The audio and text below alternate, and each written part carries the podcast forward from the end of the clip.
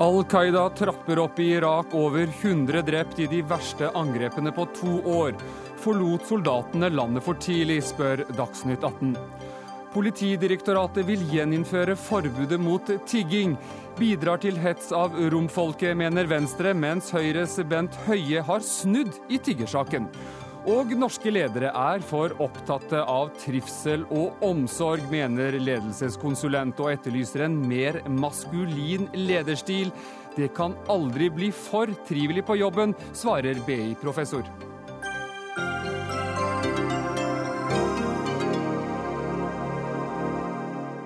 Velkommen til Dagsnytt 18. Jeg heter eh, Erik eh, Aasheim. Den eh, neste timen så får vi også besøk av Norges ambassadør til Cuba, som skal fortelle om en av landets mest betydningsfulle opposisjonelle som døde i en bilulykke i går, men som uh, hans cubanske familie ikke tror uh, var en ulykke. Først til uh, Irak, som i dag har opplevd de verste angrepene på to år. Over 100 mennesker skal være drept og like mange skadet i bombeeksplosjoner flere steder i landet. Eh, angrepene skjedde få dager etter at lederen for Al Qaida i Irak advarte om at de skulle ta tilbake områder de hadde forlatt, eh, før amerikanske styrker eh, trakk seg ut av ut desember i fjor. Og utenriksmedarbeider her i NRK, Nina Buhl Jørgensen, hva mer kan du fortelle om det som har skjedd? Man har eh, ennå ikke full eh, oversikt over eh, omfanget av angrepene og alle ødeleggelsene. Det siste som meldes, er at tall på døde er 107 og over 200 skadde. Antallet byer som er angrepet, sier man nå er 18 med minst 27 ulike angrep. Og man snakker da om bilbomber, motorsykkelbomber, selvmordsbomber i store folkemengder. Eh, bomber har vært utløst i sentrale offentlige bygninger som eh, et av kontorene til innenriksdepartementet i, i Bagdad. En bombe i en sjiamuslimsk moské, fruktmarkeder, en boligblokk og også en militærleir er blitt eh, angrepet. Alle typer angrep altså over hele Irak. Hva, hva mer vet vi om situasjonen for sivilbefolkningen etter disse eksplosjonene? Situasjonen er selvfølgelig preget av fortvilelse. Det er jo mange døde og mange som fortsatt eh, kjemper for, for, livet på sykehusfasiliteter, mer eller mindre gode sykehusfasiliteter. Samtidig så er folk eh, preget av frykt. Eh, de føler at sikkerhetsstyrkene ikke har kontroll. At de ikke er der når de trenger dem, og at myndighetene heller ikke har situasjonen under kontroll. Det har jo vært flere større eller mindre angrep eh, i Irak den siste tiden. Senest søndag ble 20 mennesker drept i en eksplosjon. For en måned siden over 80. Eh, men dagens angrep eh, sies da altså være det verste på, på to år siden 2010. Takk til deg, Nina Buhl Jørgensen. Altså Sivilbefolkningen, Christian Berg Harpviken, direktør ved Institutt for fredsforskning, de har en følelse av at, at her er det ikke kontroll. Eh, da er det jo noen naturlige spørsmål å stille. Trakk eh, de vestlige soldatene seg for tidlig ut av Irak? Svaret på det er både ja og nei. Eh, det er vel ikke noe tvil om at det som skjedde i Irak, det er en illustrasjon på hvor gærent krigen mot terror kunne gå når man slo til med massiv vestlig militærmakt uten legitimitet verken lokalt eller internasjonalt. Eh, dette skrev jo faktisk eh, utenriksminister Jonas Gahr Støre interessant om i New York Times bare for et par dager siden. Han knytta det til den norske reaksjonen på 22. juli. Vi hadde jo ettårsdagen i går.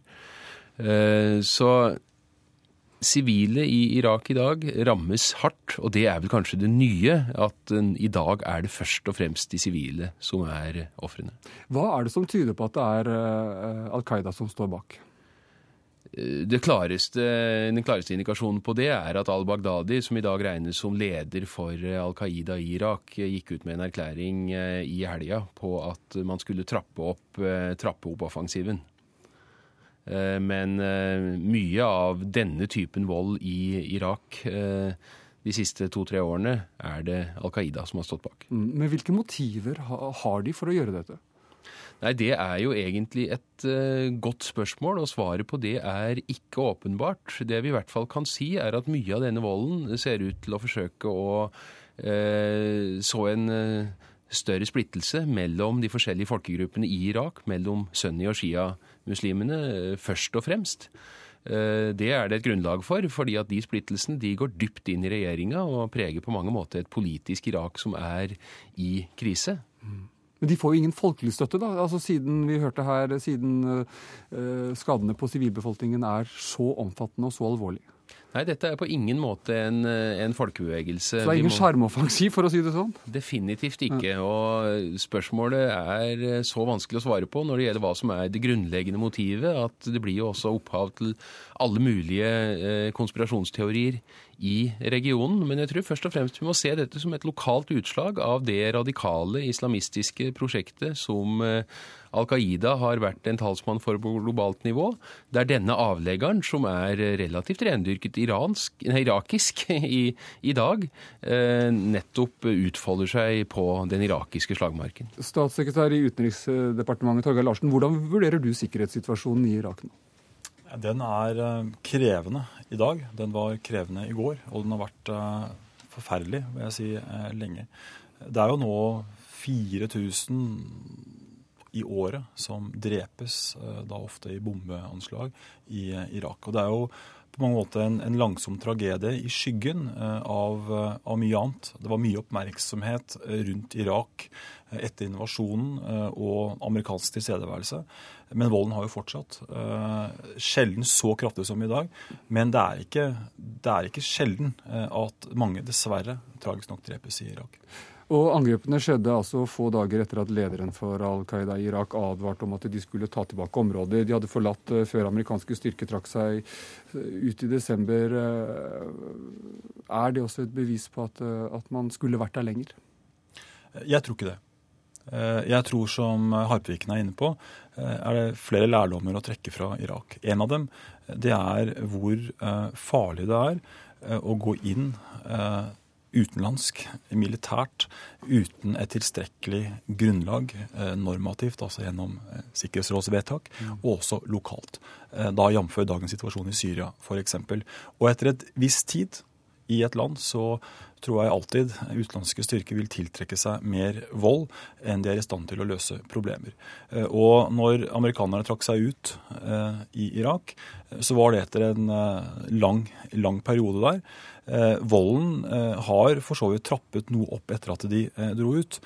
Men jeg har vanskelig for å se at det ville vært bedre om de hadde vært her lenger. Kristian mm. Berg Harpviken, disse Al Qaida-gruppene i, Irak, har de noen tilknytning til, til, til klanen til, til, Saddam Hussein f.eks.? Er det noe, noe link her? Ja, det, det har det jo vært lenge. Og det er klart at når vi først snakker om feilgrep eh, i forbindelse med eh, den USA-ledede intervensjonen og etterpå, så var jo et av de tingene man er stort sett enige om i dag, var et massivt feilgrep. Nettopp at man avviklet hele det eh, irakiske sikkerhetsapparatet. Mm. En del av de som var tilknyttet sikkerhetsapparatet og tilknyttet ledende partiet, Baath-partiet, til Saddam Hussein, eh, fant jo da utløp for sin aggresjon nettopp mellom, gjennom å knytte seg til den type grupper.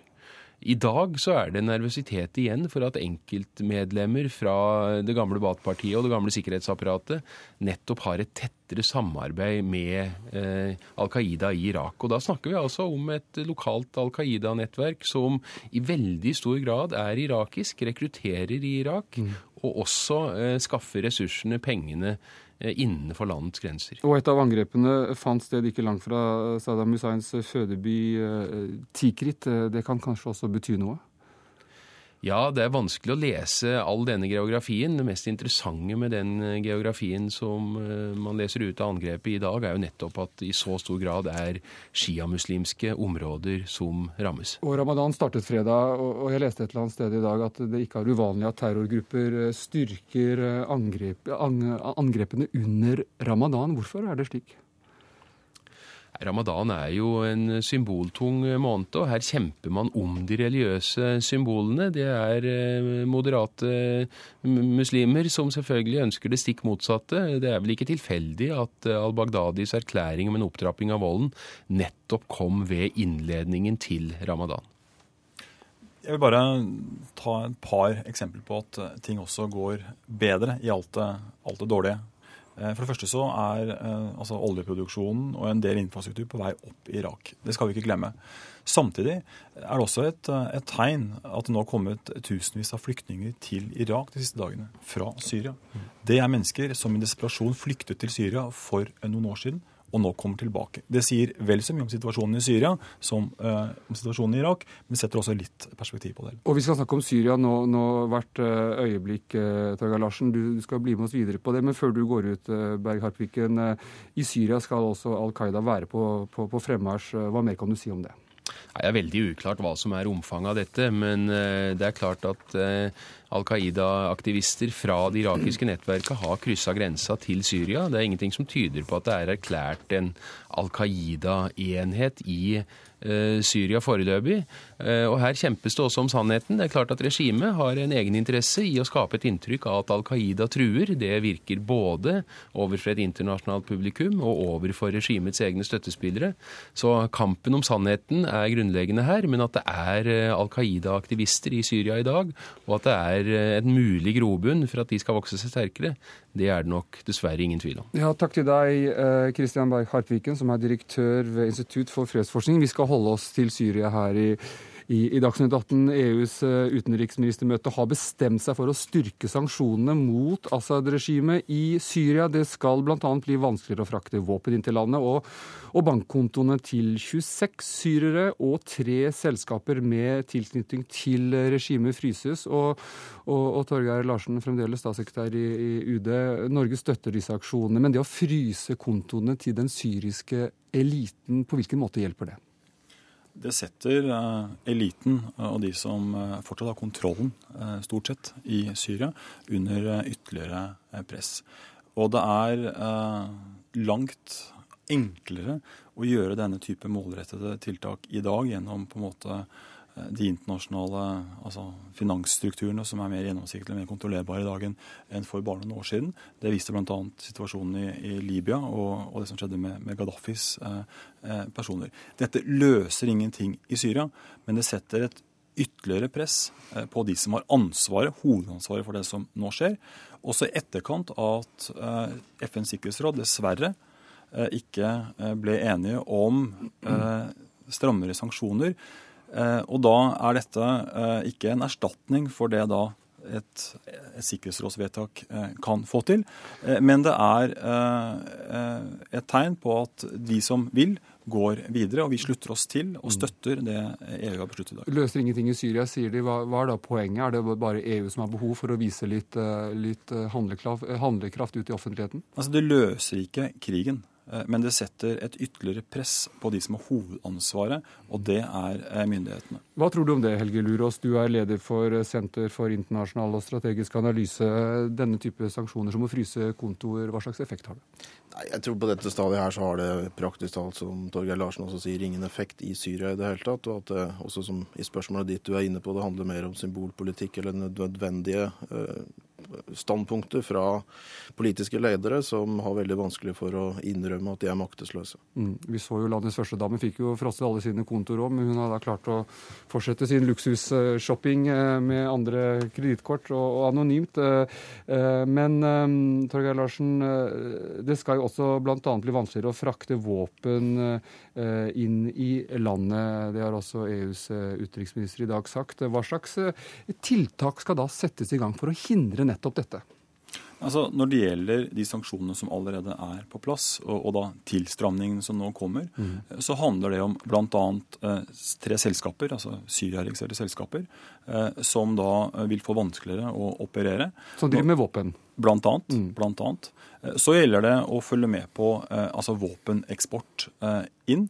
Men selvfølgelig, så lenge ikke alle er bak, så lenge ikke Sikkerhetsrådet, altså FNs sikkerhetsråd, mm. har eh, blitt enige om å stramme, så er det land der ute som ikke er bundet av denne tilstramningen. Men det at ikke alle er med, fritar ikke resten av oss til å eh, gå videre og gjøre det vi kan. Men helt konkret, altså, er det snakk om å inspisere fly, båter? altså Skal EU sende ut sine egne inspektører for, for å måtte se at våpen ikke, ikke blir da eksportert?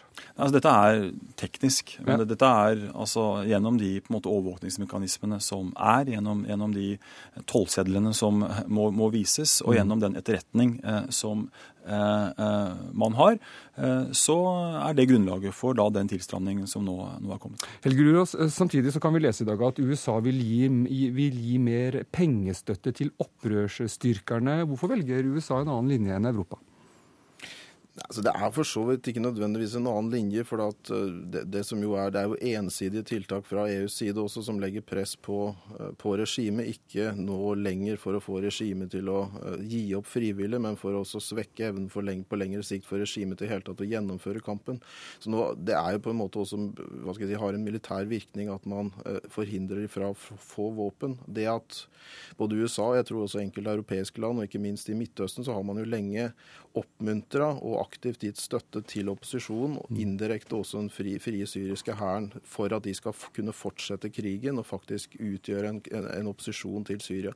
Så det, man, det, sporet man er inne på nå, handler egentlig om å framskynde tidspunktet for når Assad-regimet taper militært. Også mm. ut ifra at det skapes et inntrykk blant regimetilhengerne om at på lengre sikt så har vi ingen så, er, så, er, så lønner det seg ikke for oss å, å, på en måte ha vår skjebne knytta til Assad, og at sånn sett eh, de, de, defeksjonen, eller altså at de går av, eh, hopper av regimet, tiltar i, i, i, hurtighet. Men det at uh, Den arabiske liga i dag uh, sa at de, altså de, de ber Assad om, om, å gå av, det, det, var vel en dårlig nyhet, vil jeg tro, for den syriske presidenten? Jeg tror ikke det var noen stor overraskelse for ham. Altså Når vi snakker om Den arabiske liga her, så snakker vi i hovedsak om Saudi-Arabia og Gulfstatene, som lenge har aktivt forsøkt å styrte Assad, og som også prøver å få inn et, et annet regime. Så Den arabiske liga, i hvert fall de som uttaler seg på vegne av Den arabiske liga, har lenge vært på dette sporet her. Samtidig så har Assad fortsatt støttespillere i regionen. og Vi snakka om Irak her tidligere, og der er det jo også en splittelse i synet på hvorvidt de ønsker at Assad skal fortsette eller ikke. Man regner med at antallet døde så langt i det 16 måneder lange opprøret har nådd nesten, nesten 20 000, Torgeir Larsen. Er man ikke redd for at ytterligere sanksjoner bare kan forverre situasjonen for den syriske sivilbefolkningen? Det er alltid krevende eh, med sanksjoner eh, som skal, skal, treffe. Men der støtter vi oss på også det opposisjonen og det, de kreftene som, eh, som nå slåss mot regimet, er opptatt av. Eh, og det er, en, det er, en, måte å markere og gjøre det tydelig for de som sitter ansvaret med de voldsomme overgrepene som nå skjer, mm. at eh, det ansvaret det eh, kan de ikke løpe fra. Og, og, verden følger med, selv om det ikke er enighet eh, på øverste FN-hold eh, om eh, hva verden skal stå sammen om. Så er det nå en, en lang rekke utviklinger som er dypt tragiske i, i Syria. og ingen vet hva som eh, vil skje, hvor lenge eh, regimet vil holde ut. Antageligvis vil det kunne holde ut lenge til. Flyktninger tyter nå over grensene. Og vi er i et, i et veikryss snart hvor Syria også flytter over til nabolandene.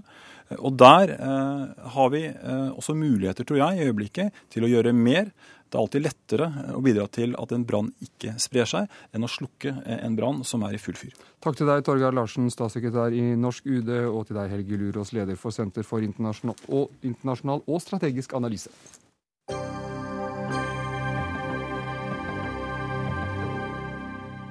Etter at eh, justisminister Odd Einar Dørum opphevet tiggeforbudet med virkning fra 1.7.2006, så har det vært lov å tigge penger i Norge. Men det vil Politidirektoratet ha slutt på, for i et brev til Justisdepartementet så råder direktoratet regjeringen om, om å gjeninnføre tiggeforbudet i, i, i, Norge. Og velkommen til oss, Kristin Kvigne. Du er fungerende avdelingsdirektør i Politidirektoratet. Begrunnelsen dere bruker er altså at tiggerne i stor grad er tilknyttet eh, vinningskriminalitet. Hvordan vet du det?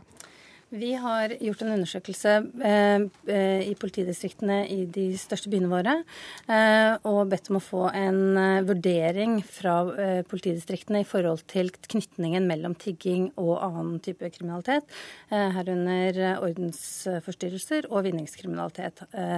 og da er det en entydig tilbakemelding, og da med særlig vekt på den tilbakemeldingen fått fra Oslo politidistrikt, om at man ser en slik forbindelse mellom eh, tigging og Eller miljøene som eh, driver med tigging og vinningskriminalitet. Nå må jeg legge til at det er ikke slik at alle som tigger, eh, er vinningskriminelle. Eh, men det er en helt klar forbindelse mellom disse miljøene og en del vinningskriminalitet. Og, eh, men hvordan kan et Men kan ikke et lovforbud bidra til å skape enda flere kriminelle? Eh, vi er jo den oppfatning at et eh, lovforbud vil i stor grad eh, hindre at folk kommer til Norge. Og dermed så vil vi altså forebygge den type vinningskriminalitet som vi Men ser. det var jo ikke noen færre rumenere her. Altså, det var jo også, altså, romfolket kom jo også når, når vi hadde løsgjengerloven og når det var forbudt å tigge. Ja, vi ser jo en helt klar oppblomstring i tallmaterialet fra før tiggeforbudet og etter at tiggeforbudet ble opphevet. Mm. Men, men, i 2006 da ble altså den såkalte løsgjengerloven opphevet, som da tiggeforbudet var en del av. Og da så, så ble jo denne loven sett på som, som, utdatert. Hva har endret seg nå? Ja, fra Politidirektoratets side så påpekte vi også den gangen når tiggeforbudet ble opphevet, at det kunne gi en oppblomstring i de profesjonelle miljøene som med som kunst knyttet til tigging. Mm. Så for oss så har ikke vi har ikke endret vårt standpunkt i denne saken. Senere så skal vi snakke med Holocaust-senteret, som konkluderer med at romfolket er den folkegruppen nordmenn aller helst vil se i sitt nabolag og i sin familie. Ser du, Kvigne, at, at det kan være en sammenheng med politiets holdninger? Altså, Politiet har, har ikke noen holdning til romfolket. Vi har gitt en politifaglig vurdering til Justisdepartementet knyttet til eh, miljøene eh, som driver med tigging og vinningskriminalitet. Men når du sier at politiet gjerne vil ha de ut, så, så legitimerer jo det folk flest eh, at de også kan mene det samme, da? Det politiet har som oppgave, er å forebygge og etterforske mm. kriminalitet. Vi ser at dette er et verktøy i forbindelse med forebygging av den typen kriminalitet. Mm. Så folks holdninger blir ikke preget av dette. Det er det du sier. Jeg tror det er veldig mange andre ting som preger folks holdninger til eh, romfolket som, som helhet. Mm. Men tror du det er tilfeldig at diskusjonen om tiggeforbudet oppstår idet vi har fått stadig flere tilreisende tiggere eh, som er nettopp rom? Nei, Det tror jeg ikke at det er tilfeldig. Men, men ut fra et politifaglig standpunkt, og det er jo det som er vår oppgave i forhold til Justisdepartementet, å gi en politifaglig tilrådning. Og så blir det jo da opp til politikerne å vurdere andre forhold knyttet til dette. Vi skal altså debattere denne saken videre her i Dagsnytt 18, men du ønsker ikke å være med på debatt med andre fagfolk eller politikere fra f.eks. Venstre, som nå kommer inn i studio her. Hvorfor vil ikke Politidirektoratet møte denne kritikken? Eh, altså Vår oppgave igjen er å gi et politifaglig råd mm. til politikerne. Og så er det opp til politikerne å eh, ta den, den, debatten, og også eh, til Stortinget, og eventuelt å gjøre de lovendringene. Mm. Takk for at du kom hit, Kristin Kvinen. Da får du gå ut av studio, så får du høre hva, hva politikerne her i studio mener om det du, du akkurat sa nå. Uh, uh, Bent Høie, du er stortingsrepresentant for Høyre og leder av helse- og omsorgskomiteen. Og, og, og, du var tidligere imot å gjeninnføre tiggeforbudet, men nå har du uh, skiftet mening. Hva var det som fikk, fikk deg til å ombestemme deg? Det var den utviklingen som vi har sett i det siste, med at eh, flere eh, kommer til Norge under dekke av at de skal tigge, og så fører det med seg både eh, mye tigging, men òg økt vinningskriminalitet, utrygghet knytta til det. Og det som òg var avgjørende for meg, var en, en omfattende BBC-dokumentar som òg viste Eh, i hvilken i, stor, i mange tilfeller at eh, det er bakmenn som står bak eh, dette, tvinger folk til å reise ut til Europa. Både for å drive med tigging og vinningskriminalitet, og sjøl høste inn disse, disse, pengene. Men jeg har det inntrykk at før så var dette også et verdispørsmål for deg, men, men det er det ikke lenger? Jo, for mitt utgangspunkt er det samme. Jeg har det samme ideologiske utgangspunktet om at sosiale problemer først og fremst løses med sosiale virkemidler, og ikke med Eh, forbud og kriminalisering. Men eh, her er vi kommet i en situasjon der eh, Norge er blitt et attraktivt land for mennesker å bli sendt til for å drive med tigging og vinningskriminalitet. det fører til utrygghet. Det fører til at vi mister tryggheten i byrommene våre. og Byrommene våre det tilhører oss alle sammen. Og det kan vi ikke akseptere. Da må vi òg av og til være villige til å tenke annerledes og se på om det er virkemidler som en må ta i bruk for å ta vare på tryggheten i byene. Guri Melby, du er leder for Venstres programkomité, og du reagerer på retorikken både til politiet, som vi hørte her, og til, til, til Bent Høie fra, fra, fra Høyre. Hva er det du reagerer på? Nei, Det jeg reagerer på, er at de totalt ser bort fra det prinsipielle i saken, syns jeg. Man har en utfordring, og så prøver man å finne sånne enkle løsninger, men så ser man da bort ifra at man faktisk bidrar til å kriminalisere noe som jeg mener ikke bør være forbudt. Eh, og jeg tror akkurat sånn som Bengt Høie sier, at det går ikke an å bruke kriminalitetsbekjempelse knytta opp til sosialpolitikk. Eh, sosiale utfordringer må vi løse med sosialpolitikken og ikke kriminalpolitikken. Og det er ikke sånn at vi skal forby alt vi ikke liker. Eh, og jeg, synes jo, jeg har lyst til å dra en liten parallell til debatten rundt eh, forbudet av sexkjøp. I den debatten så sto Høyre sammen med Venstre. Vi var imot et forbud eh, fordi vi trodde ikke at det verken ville ta bakmennene eller at det ville hjelpe dem som er ute på gata. Da var Høyre helt enig med oss. Så jeg lurer litt på hvorfor de tror at et forbud mot tigging vil være så mye bedre, både når det gjelder å ta bakmennene, eh, og det å gjøre det bedre for dem som er på gata. Er det en, er det en sammenheng Bent Høie, mellom sexforbudskjøpeloven og, og tigging?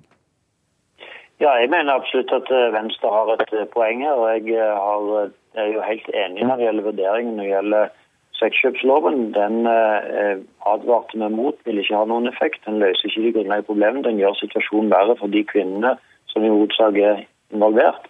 Eh, når det gjelder tigging, så mener jeg at det er nyanser i forhold til dette som gjør at en eh, kan komme til en annen konklusjon. og Det ser jeg fordi at tiggingen i mye større grad brukes som skalkeskjul for annen kriminell virksomhet. Ja, og Det er jo akkurat eh, her du, du får det store retoriske problemet. Da. For akkurat nå så setter Bengt Høie likhetstegn mellom tigging og kriminalitet. Ja, men det gjør jo det gjør, Men altså, altså, vi Vi hørte politiet et øyeblikk her, Bent Høie. Vi, vi, hørte politiets eh, konkludere med at tiggere i stor grad er tilknyttet vinningskriminalitet, øh, Guri Melby. Og det er jo faktum. Ja, det er helt sikkert en overrepresentasjon av mennesker som driver med vinningskriminalitet blant tiggere. Men det er akkurat like feil å si at det ikke finnes kriminalitet blant tiggere, som å si at alle tiggere driver med kriminalitet.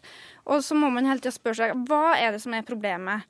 Er det tigginga i seg sjøl som er problemet? Er det gatebildet som er problemet? Er det de sosiale utfordringene til romfolk eller andre tiggere som er problemet, eller er det vinningskriminalitet generelt? Hvis det er vinningskriminalitet generelt, så, så mener jeg jo da må jo politiet se på hvordan de kan bruke ressursene sine for å ta det. Og jeg klarer ikke helt å forstå, hvis de ikke har folk som klarer å ta lommetyveri eller småkriminalitet ellers, hvordan skal de da ha ressurser til å jage tiggere rundt omkring i byen? Ja, Jan Erik Lindstad, du er tidligere leder og var med på å starte det som het avdeling for sigøynersaker i Oslo kommune, og du følger debatten fra Sverige. Er diskusjonen som du har hørt nå, forskjellig om du sammenligner med, med slik den var på store deler av 70-tallet? Den er forskjellig. Den er verre, for å si det rett ut. Det her er jo i ferd med å bli en slags eh, norsk kollektiv rasisme.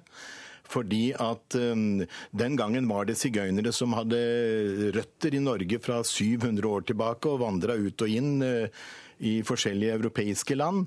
Nå er det en ny gruppe, og jeg er sjokkert over at man eh, kriminaliserer og, og diskriminerer en hel gruppe mennesker. Men man Disse kan vel være imot eh, Men, men Instad, bare for å avbryte deg, unnskyld, for du sitter langt fra oss her. Eh, men når du hører Bent Høie som, som, som nå har gått inn for tigging, og man kan jo være imot tigging uten å være en del av en skal vi si, kollektiv rasisme, som du, som du sier?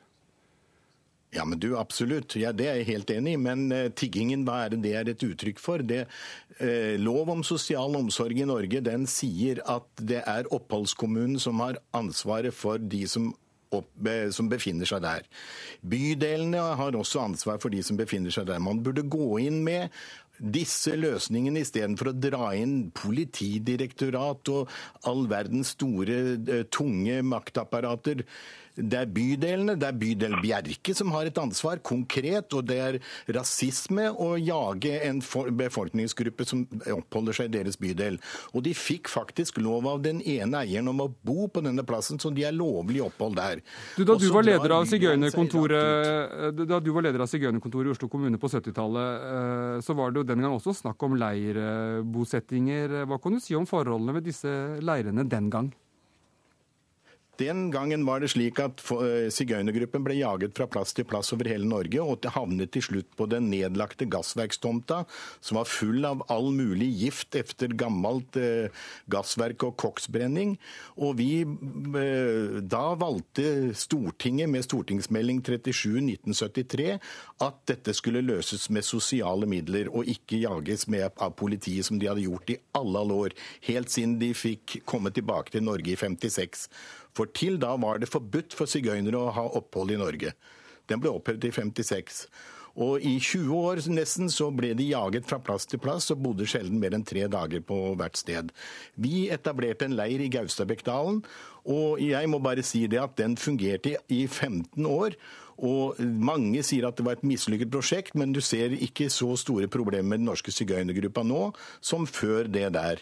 I dag bor flere av dem i boliger, og de vet hvordan de skal forholde seg til det offentlige apparatet. Maria Rosvold, du er seniorkonsulent ved Holocaust-senteret. og I en rapport om antisemittisme i Norge så, så, har dere funnet ut at romfolket plasseres nederst på lista, f.eks. Uh, eh, når det gjelder hvilke folkeslag nordmenn ønsker å ha som Eh, naboer. Hvordan forklarer du et slikt funn?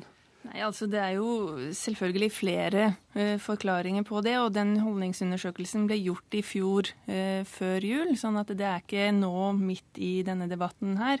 Uh, men det at en gruppe som var offer under holocaust, fortsatt i Norge er nederst, og er den gruppa som eh, nordmenn ikke vil ha som nabo, ikke vil ha som venn og ikke inn i familien, mm.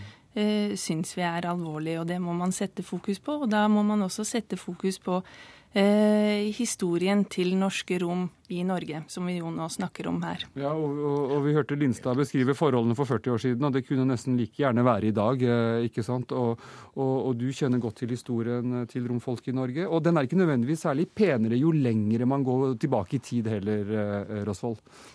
Nei, altså når, hvis vi går tilbake i tid, så kom jo eh, rom til Norge på 1860-tallet. Eh, og det som skjedde da, var at man fikk statsborgerskap i Norge når man ble født i Norge. Sånn at da fikk eh, rom eh, statsborgerskap i Norge. Det leda til at norske myndigheter stadig ønska å trekke tilbake disse statsborgerskapene.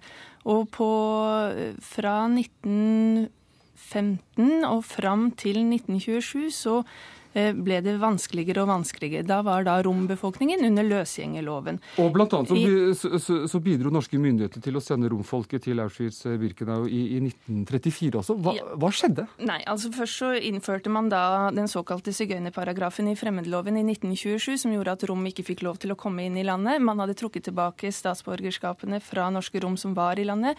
Et følge var ute og reiste Eh, for, for, å unngå tvangsassimilering i Norge. Og da, i 1934, så ville de 68 personene, det var både Karoli-familien og Josef-familien, noen av de største romfamiliene i Norge, ville reise tilbake til Norge. De ble stoppa på grensa mellom Danmark og Tyskland. Eh, danske myndigheter tok kontakt med norske myndigheter, og norske myndigheter ga beskjed om at de var uønska i landet. Eh, da ble den norske romgruppa da sendt eh, rett i konsentrasjonsleirsystemet i 1934, altså såpass lenge før. Og da blir de da etterpå sendt videre til forskjellige konsentrasjonsleirer og ender da veldig mange opp i Auschwitz-Birkene og blir drept under sigøynernatt 1944. En lang og tragisk historie. Jan Erik Lindstad, helt kort til slutt. Eh, du har altså jobbet i felten i mange år med, med, med romfolket. og Hva mener du bør gjøres i dag, eh, veldig kort? Eh, det er tre muligheter. Den ene er å akseptere at de er i Norge, og at man da gjennom de, den sosiallovgivningen vi har, og det ansvaret den enkelte kommune og oppholdskommunen har, tar ansvar og finner muligheter til å gjerne hjelpe dem til en leir, men helst skal de jo etter hvert da eventuelt bosettes. Eller så må de få hjelp til, i det landet de kommer ifra. Og hvorfor ikke vi kan drive utviklingshjelp i et eh, europeisk land, slik som vi har gjort i Syd-Amerika, i Afrika, andre steder. Det beste man kunne gjøre, var om Europa samla seg og hjalp romfolket i Romania til å utvikle sine små byer der nede. Da, med skole, med helsestell og alt det andre. Eller så må de få betalt for å reise ut. Nettopp. Da fikk du siste ordet, Jan Erik Lindstad. Det var dine tre forslag til hvordan denne, denne, striden eller problemene kunne løses. Takk for at du var med oss, tidligere leder for Oslo kommunes sigøynerkontor. Takk også til eh, Maria Rosvolds, som jobber ved Holocaust-senteret, og til politikerne fra Venstre, Guri Melby, og til deg, Bent Høie fra Høyre. Hør Dagsnytt 18 når du vil på nettradio eller som podkast.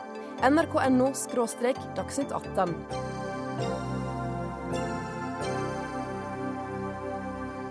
En av Cubas mest kjente opposisjonelle og, og, og, frihetsforkjempere omkom i en bilulykke på Cuba i går. Osvaldo Paya har gjennom en årrekke kjempet for ytringsfrihet og dialog i kampen for frihet på Cuba, og har for dette blitt nominert til Nobels fredspris eh, to ganger. Og, og Jon Petter Oppdal, du er Norges ambassadør på Cuba, og du har møtt Paya ved flere anledninger. Eh, hvem er han? Det første vil jeg si at det er fryktelig trist å få denne nyheten. Eh, Osvaldo Paya har vært en, eh, en, eh, venn eller en kontakt med, med, norske myndigheter i lang, lang tid. Helt siden tidlig 90-tallet. Eh, og vi har i dag vært i kontakt med hans enke. Vi har ringt fra ambassaden i Havanna for å gi, fortelle og kondolere om det som skjedde. Hva sa hun? Uh, hun uh, snakket med da min ambassadesekretær, som ringte henne, og hun hadde vært uh, rolig, fattet. Hun var lei seg. De var, det var litt uklart i forhold til når han skulle få komme, eller når liket skulle komme til Havanna. Mm.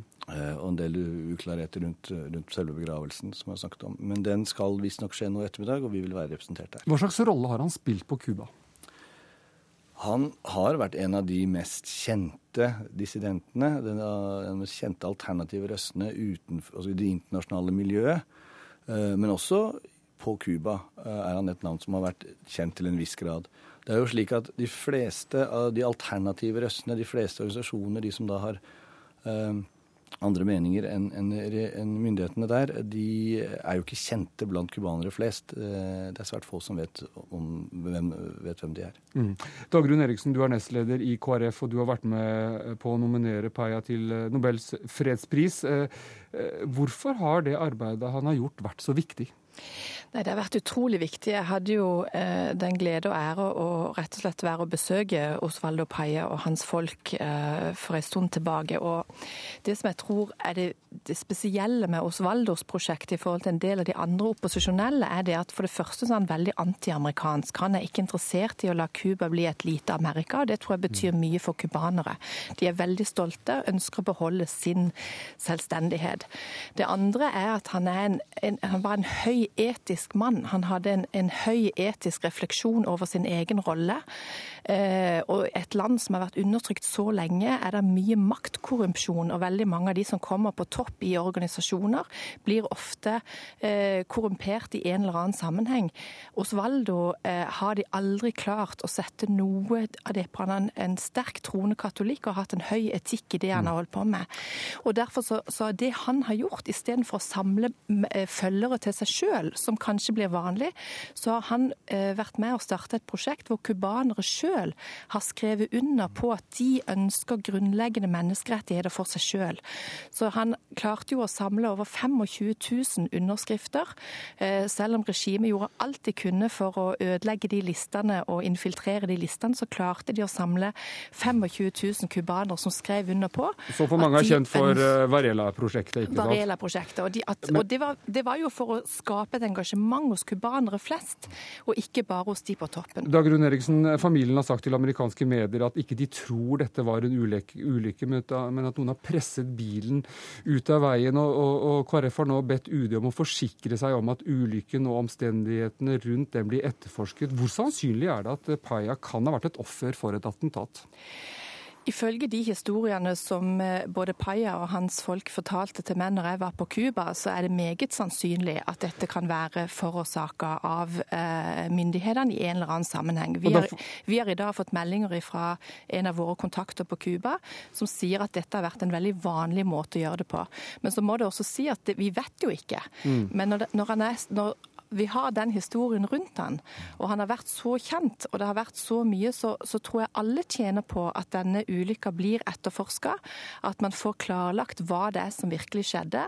For vi, jeg vet at når Fidel Castro i sin tid lå på operasjonsbordet, så sto sikkerhetsstyrkene klar rundt Osvaldos hus fordi de frykta han som en kommende leder, og var klar til å ta han den gangen. Da får vi høre med ambassadør eh, Jon Petter Oppdal i studio her, eh, Eriksen, for, i, i, forhold til hvordan UD måtte, kan kan, kan følge opp denne saken. Jeg er helt enig med Gudrun Eriksen at uh, det er klart at vi må vi som alle andre må be om en forklaring hva som kan være årsakene til selve ulykken. Ehm, det vet vi ikke mye om ennå, men eh, jeg er enig også med Eriksen at det beste her er at de har en åpen gransking, noe som familien har bedt om at blir foretatt.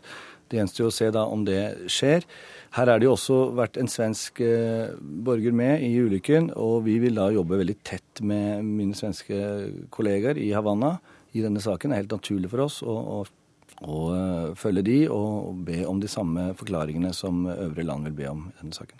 Takk for at dere var med i Dagsnytt 18 for å snakke om Osvalda, Osvaldo, Osvaldo Paya. Eh, Jon Petter Oppdal, du er Norges ambassadør til Cuba, og nestleder i KrF, Dagrun Eriksen.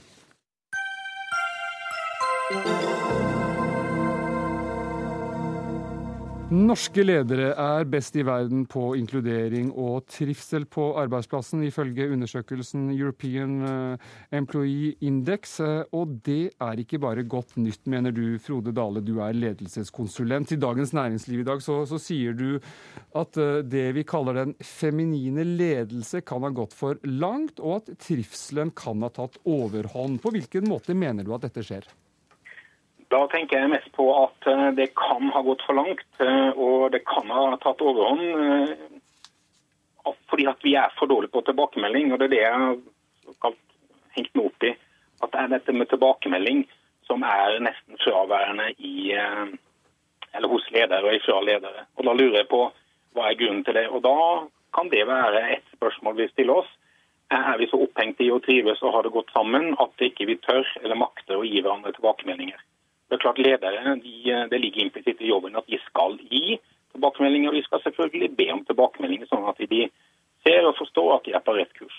Så, sånn sett så tenker jeg sånn, Kanskje det kan være noe som gjør at det som HR Norge kalte for feminin ledelse, at det kan ha gått for langt. Jeg vet ikke.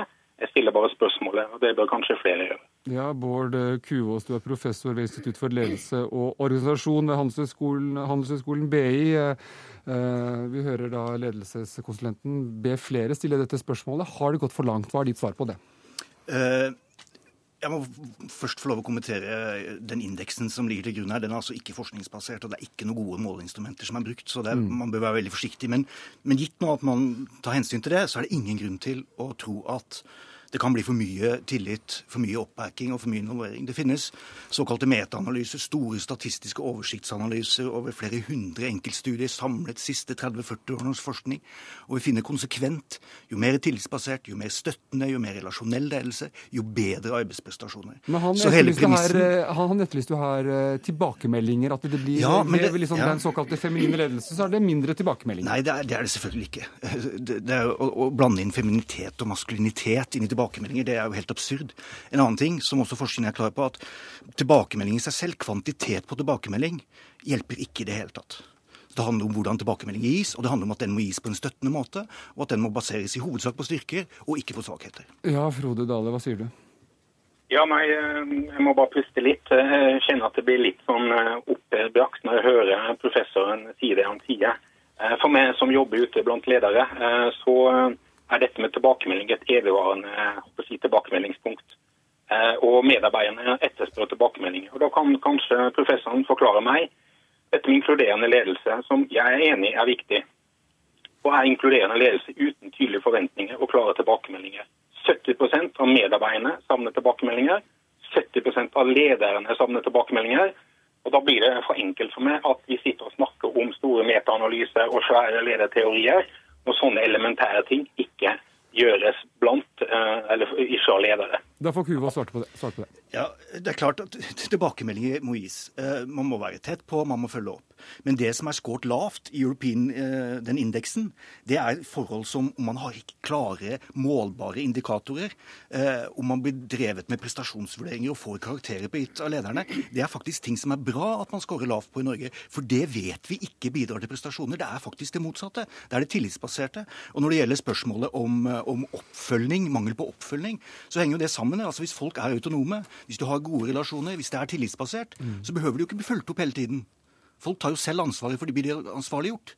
Og, og, du kan ikke si at det er fjernt når vi snakker om empirisk forskning med flere hundre tusen ansatte i alle mulige land. Dette er det som fungerer best i USA, i Kina og i Norge. Ja, Frode Dale, du, du har jo bakgrunn fra, fra Forsvaret selv. Er det, er det, der du måtte lærte gode ting om eh, macho ledelse? Eh, nei, faktisk ikke. Der eh, var jeg etter hvert ansvarlig for lederutvikling, der vi vektla veldig mye dette med omsorg, dette med tillit og prøvde å imøtegå faktisk dette med macholedelse. Nå slutta jeg i 1998, så det er lenge siden, og det har nok sikkert utvikla seg videre. Men jeg blir litt sånn frustrert igjen da, som konsulent og praktiker når jeg hører da Kuvås sier at i store meteorstudier, så hører vi sånn og sånn. For meg er det for så vidt et fett når 70% av ledere etterspør tydelige forventninger og tilbakemeldinger fra sine ledere. Ja, alle etterspør også høyere lønn uten at det vil hjelpe dem til å gjøre en bedre jobb. Kuvås, de savner det. Ingeborg Sivertsen, du er direktør i Kongsberg Gruppen. Eh, når du hører denne debatten mellom disse mhm. to mennene her, som eh, for og mot uh, feminine verdier i ledelsen, hva tenker du da? Jeg tenker vel at uh, det som er viktig i ledelse, er en kombinasjon av det de to hevder. Ja. Altså jeg tror, og For meg så er det ingen motsetning i det å ha et miljø hvor du har tillit, hvor du har deltakelse, hvor du har medvirkning, og samtidig så kan du være veldig tydelig. Du kan sette mål, du kan gi tilbakemeldinger. Du kan evalueres, og du må kombinere de to tingene. I Kongsberg Gruppen så tok dere inn myke verdier i vurderingskriteriene for, for seks mm. år siden. og Disse kriteriene brukes bl.a. til å beregne lønn og bonus. Men hvorfor valgte dere å gjøre det? Altså, vi har valgt å ha lederprinsipper og lederkrav hos oss som både tar høyde for å måle våre ledere i forhold til eh, si, de harde businessmålene de har. Eh, samtidig så blir de målt på atferd. Og for oss så er begge deler like viktig. Og jeg tror det som er viktig, er at våre ledere blir veldig bevisst i forhold til sin utøvelse av ledelse, sånn at de på en måte klarer å reflektere over hva slags type ledelse som er riktig til enhver tid. Mm. For det vil variere. Eh, og du må klare å kombinere det du kaller både feminine og maskuline verdier. Det er kanskje et billig poeng, eh, Ingeborg Sivertsen, mm. men, men altså, Kongsberg Gruppen gjør mye. Men dere, dere, dere lager jo også våpen. altså mm. Dere er også en våpenprodusent. Mm. Og, og, at dere av alle skulle være opptatt av mm. myke verdier Fort gjort å smile litt av det. Ja, jeg skjønner hva du, hva du tenker på. Jeg, jeg syns ikke det er rart. Eh, jeg tenker at det å være leder hos oss eh, er ikke veldig annerledes enn å være leder i andre bedrifter. Mm. Vi er veldig opptatt av både verdier, eh, lederprinsipper, lederkrav og etikk hos oss er utrolig viktig. Kanskje enda viktigere hos oss enn i mange andre bedrifter. Det er altså ingen motsetning her, Frode Dale, mellom, mellom maskulin lederstil og feminin lederstil? Det er helt riktig, og det var det som var utgangspunktet faktisk for innlegget mitt i Dagens Næringsliv, som da har tatt eh, litt rare veier og nå står som at det slakter feminin ledelse. Det har jo selvfølgelig ingenting med saken å gjøre. Du stiller bare spørsmålene. Hmm. Det er da, det er da media som har laga. Så jeg sier at vi må ha det som ble sagt nå, balanse. Og så etterspør jeg da grunnleggende kompetanse for ledere. For jeg opplever at altfor mange ledere sliter med å samler kompetanse. Og det er klart når ledere år ut og år inn etterspør konflikthåndtering, og det finnes knapt nok et kurs, ikke engang på BI, studiepoenggivende, omkring konflikthåndtering, så er det jo noe galt i forhold til hva vi gir lederen. Så det du egentlig sier, da, det er for eksempel rettet til Bård Kuvås eh, ved, ved Handelshøyskolen BI, at dere ikke helt følger med når det gjelder eh, lederutdannelsen deres? Ja, det er sjelden man får kjeft for å være forskningsbasert i akademia, men, men, i dette tilfellet Men jeg vil gi Frode Dahl rett i et poeng. Laissez-faire-ledelse, altså la det skure, la det gå-ledelse, er ikke bra. Men det er jo ikke det vi snakker om her. Da, set, mm, da, må vi sette punktum for denne runden i Dagsnytt 18. Takk for at dere var med, alle sammen. Frode Dale, som er ledelseskonsulent, Bård Kuås, som er professor ved Handelshøyskolen BI, og til Ingeborg Sivertsen, som er HR-direktør ved Kongsberg Gruppen.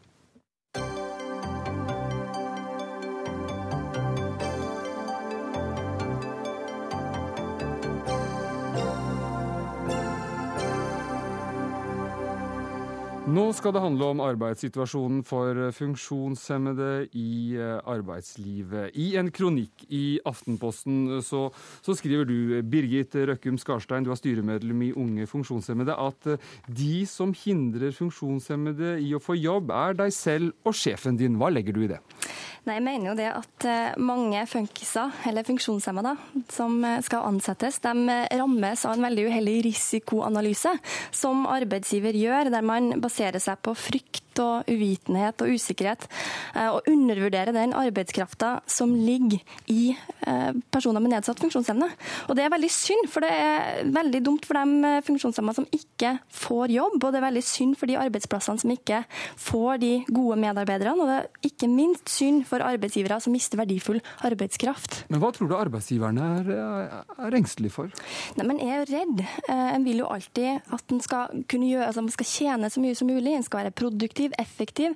Og så er en usikker, en er redd for hva er det egentlig vi kan tape på å ta inn denne personen. Man har kanskje ikke vært hatt så mye kontakt med funksjonshemmede tidligere, og vil rett og slett bare ikke ta den risikoen som man anser at det kan være. Så det er ingen grunn til å, til å konkludere med at, det, at, hva kaller du det, funkiser, at dere er, at dere er mindre produktive enn en ikke-funkiser? Nei, nedsatt funksjonsevne er jo ikke det samme som nedsatt arbeidsevne, og de to begrepene er vi nødt til å skille imellom. Svein Oppegård, du er direktør for arbeidslivspolitikk i NHO. Arbeidsgiveren er ikke langt unna strykkarakter her. Kjenner du deg igjen i denne virkelighetsbeskrivelsen? Nei, jeg kjenner meg ikke igjen. Jeg, jeg, tror det er mange misforståelser og mange vanskelige spørsmål som er uavklart. Men de aller, aller fleste arbeidsgivere de har et veldig klart og bevisst forhold til når de skal rekruttere medarbeidere. Og det er viktig å huske på at bedriftene og arbeidsgiverne de har primæransvaret for de som er ansatt i virksomheten, altså de som er innenfor bedriften. Der er deres hovedansvar. Skal vi få en bedre integrering av de med redusert funksjonsevne, så er vi nødt til også å samarbeide med myndighetene. Og da har Nav en utrolig viktig rolle i å sørge for at det gis arbeidsevnevurderinger som gjør at disse blir kandidater og gode kandidater for arbeidslivet. Vi er ikke Nav med her, men uh, Birgit Røkkum Skarstein, uh, kan bedriftene gjøre dette uten å nødvendigvis å få hjelp av Nav? Det kan de absolutt. Det er veldig mange funksjonshemmede som ikke går via Nav når man søker jobb. Så det er mye bedriftene kan gjøre for å legge opp til at personer med nedsatt funksjonsevne skal søke seg inn dit, og det er mye de kan gjøre for å ta dem inn. Vi ser jo at man basert på fordommer velger ut personer på grunnlag som ikke er relevant til den oppgaven de skal gjøre hos arbeidsgiverne? Nei, altså Det er helt åpenbart at eh, det finnes mange uklare spørsmål rundt dette. Men arbeidsgivere de er jo også opptatt av å skaffe medarbeidere som er kompetente. De er opptatt av å skaffe medarbeidere som kan utføre de oppgavene som skal gjøres. Og det er jo fortsatt arbeidsgivers ansvar å sørge for at det blir gjort. Og det gjøres i veldig veldig stor utstrekning. Nå hører du her at det som eh, Skarstein er opptatt av, er at nedsatt funksjonsevne ikke har noe med, med nedsatt arbeidsevne å gjøre? Nei, Jeg er veldig klar på det samme. Jeg ja. bruker uttrykket nedsatt eh, funksjonsevne. Mm. og Det betyr at du kan ha 110% arbeidsevne. Det er det ingen tvil om. Men der igjen arbeidsgiver må bestemme hvilken kompetanse, hvilke personer og ikke minst hvor mange skal være ansatt i virksomheten. Det er arbeidsgivers vurdering. Og så er jeg helt enig i at det er mange problemstillinger knytta til de som har redusert arbeidsevne. Men som søkere så blir de, tror jeg, i de alt fleste tilfellene vurdert på linje med andre søkere. Ja, Er det ditt inntrykk, eh, Skarstein? Ja, altså jeg hører jo her at en sier at eh, man har ansvar for dem som allerede er innenfor, men ikke for dem som er utenfor. Nå vil jeg gjerne presisere det at eh, det er jo ikke her snakk om å være snill og ta til seg en funksjonshemma. Det er jo snakk om at man er verdifulle ressurser, men en verdifull arbeidskraft som skal inn, ikke på bakgrunn av at man er funksjonshemma eller ikke er det, men fordi at man kan bidra på, med den utdanninga eller den kompetansen en har. Og Når en sier at ja, vi er, vi er gode på det, så vil jeg si at siden 2005 så har over halvparten av de arbeidsplassene som ble skapt i Norge, de er gitt til arbeidsinnvandrere. Og Norge er på topp i verden i sysselsettingsandelen. Men når det kommer til ansettelse av personer med nedsatt funksjonsevne, så ligger vi på snittet i OECD-land. Mm. Og hvorfor er det da andre land som er dårligere enn Norge på sysselsetting, som er mer interessert i kompetanse hos personer med nedsatt funksjonsevne? Tommy Rovelstad, du er leder for Telenor eh, Open Mind, som det heter på godt norsk, eh, eh, som jobber med å inkludere folk med funksjonshemminger i nettopp Telenor. Og hva tenker du når en i rullestol søker jobb hos dere? Først og fremst så tenker vi vel egentlig ikke på rullestolen. Det er det viktigste hos oss. Vi tenker på mennesket og vi tenker på den kompetansen og den ressursen den personen er når den kommer til oss. Mm. Uh, og det er en grunn for at den har søkt til oss. Og det er en grunn til at de ønsker en jobb i Telenor. Og da må de også ha den kompetansen, selvfølgelig. Mm. Så det er på en måte det som er fokus hos oss. Uh, hvilken funksjonshindring eller historikken de har med seg, det er egentlig uinteressant. Ja, og Du, du sitter jo i rullestol selv. Uh, har du hatt mye trøbbel med å få jobb? Nei, eh, nå har jo jeg jobba ganske lenge i Telenor Open Mind. Ja, så, så, sånn sett så har det ikke vært det. Men før jeg kom inn i Telenor Open Mind, så gikk jeg vel en uh, fire-fem år før jeg på en måte begynte i Open Mind-programmet. Eh, og da var det litt Men da for, for, for, min egen del var det litt sånn føling uh, på hvor jeg ville og hva jeg ville for noe. Men når du hører da, da styremedlemmer i, i Unge funksjonshemmede, da Birgit Røkkum Skarstein, komme med denne bekymringen, forstår du at, at de unge er bekymra for, for framtiden? Ja, absolutt. Eh, men jeg, jeg føler at vi må, vi må, dele det her i to. Eh, det er litt sånn at eh, alle, alle parter må på en måte komme og bidra. Man kan ikke bare, Jeg vet om masse arbeidsgivere som har åpna dørene sine og ønsker å ansette folk som har en funksjonshindring. Mm men de får ikke søkere som er det. Mm. Og så møter vi også veldig mange deltakere hos oss som ønsker å komme inn på arbeidsmarkedet, som ikke kommer inn på arbeidsmarkedet. Fordi arbeidsgiveren ikke ønsker å ansette dem. Så det er på en måte en problematikk som er på en måte delt i to. Så, og det blir veldig mye angrep mot arbeidsgiveren innimellom, syns jeg i hvert fall. Så... Vi skal høre hva arbeidsgiveren sier her. Nei, jeg tror det er veldig, veldig stor forskjell også på arbeidsgivere. Telenor har gjort en fantastisk viktig og flott jobb med sitt Open Mind-program, så det er veldig veldig bra. og Jeg oppfordrer alle store bedrifter til å gjøre det lignende, for det viser at det gir gode resultater. Men det finnes også veldig mange små virksomheter som ikke har de ressursene. Da er de nødt til å samarbeide med myndighetene. Da må det gjøres arbeidsevnevurderinger, og det må tilrettelegges slik at du kan få midlertidige ansettelser i de stillingene. Ja, Birgit Røkkum Skarstein, kan det være også som vi hører her, at, at, at f.eks. folk folk i rullestol, folk med funksjonshemming, eh, eh, ikke tør å søke en jobb fordi de, de, er rett og slett også redd for å få avslag? Kan det være et problem? Det er jo ikke rart at eh, personer som har søkt gang på gang på gang og aldri blir ansatt, mister litt troa på seg sjøl også. Mm. Det jo, kan bli en ond sirkel ut av det her. Jeg tror det er veldig viktig at vi legger opp til et klima der det er åpent og det er lett å snakke om de bekymringene en har, og at en heller spør en gang for mye enn en gang for lite, og at en i hvert fall kaller inn og snakker i lag. Og så er vi jo sammen nødt til å finne ut hvordan vi skal gjøre det her. Og Du trekker selv frem en undersøkelse gjort av Rådet for inkluderende arbeidsliv i Trøndelag, der det kommer frem at halvparten av arbeidsgivere og arbeidstakere anser sin arbeidsplass som uegnet for eh, personer i rullestol. Og i disse tallene så skjuler det seg holdninger som ikke tåler dagens lys, mener du. Hvilke holdninger tenker du på? Nei, det er jo ikke 50% av arbeidsplassene som er fysisk utilgjengelig. Så da har man jo allerede gjort seg opp en mening om hva personer i rullestol kan utføre av oppgaver. Jeg tenker at vi er nødt til å se litt videre enn den tradisjonelle tankegangen vi har på arbeidsliv i dag. Eh, og være Istedenfor å være eh, problemorientert eller være, ta risikovurderinger, så bør vi være mer løsningsorientert og prøve å finne ut hvordan kan vi få til det her. Ja, Tom, Tommy Rovelstad, Det er vel også en del kanskje arbeidsplasser som, som tenker at dette vil koste dyrt, fordi man må bygge og man må ha handikap-toalett og man må ha heis og i det hele tatt, at det også kan skremme litt? Ja, Det er det jeg vil påpeke nå. det er at eh, For deltakerne hos oss er det veldig lite tilrettelegging som skal til. Mm. Og det koster veldig lite, eller eventuelt ingenting. Eh, sånn at alt det her med arbeidsevnevurderinger og alle disse tingene, for mange så trenger man ikke det. Og jeg tror vi må bort fra det fokuset i det hele tatt, og heller ha fokus på mennesket og den ressursen og den kompetansen de sitter med, og ikke funksjonshindring eller tilrettelegging som eventuelt ikke eksisterer. Og Derfor er det så viktig at arbeidsgiver og organisasjoner og myndighetene gjennom Nav samarbeider om dette. fordi de som er funksjonshemmede eller har redusert arbeidsevne, de trenger også hjelp og bistand til å komme inn i arbeidet. Det kan Nav bidra med. Og da tror jeg at også alle som ønsker det, får muligheten til å skaffe seg Ja, jobb. også mye støtte fra NHO av Birgit Røkkum Skarstein. Det betyr at det er altså bare for folk med nedsatt funksjonsevne å begynne å søke jobber. Ja, og vi i Unge funksjonshemmede vil jo veldig gjerne være med NHO og finne ut av det. Ja, Da er det en invitasjon til NHO, som eh, han sikkert nikket til her i studio, at eh, dere får til eh, å gjøre noe med den invitasjonen. Vår sendetid er over her i Dagsnytt 18. Ansvarlig for sendingen, det var Dag Dørum. Teknisk ansvarlig Lisbeth Sellereite. Og jeg heter Erik Aasheim.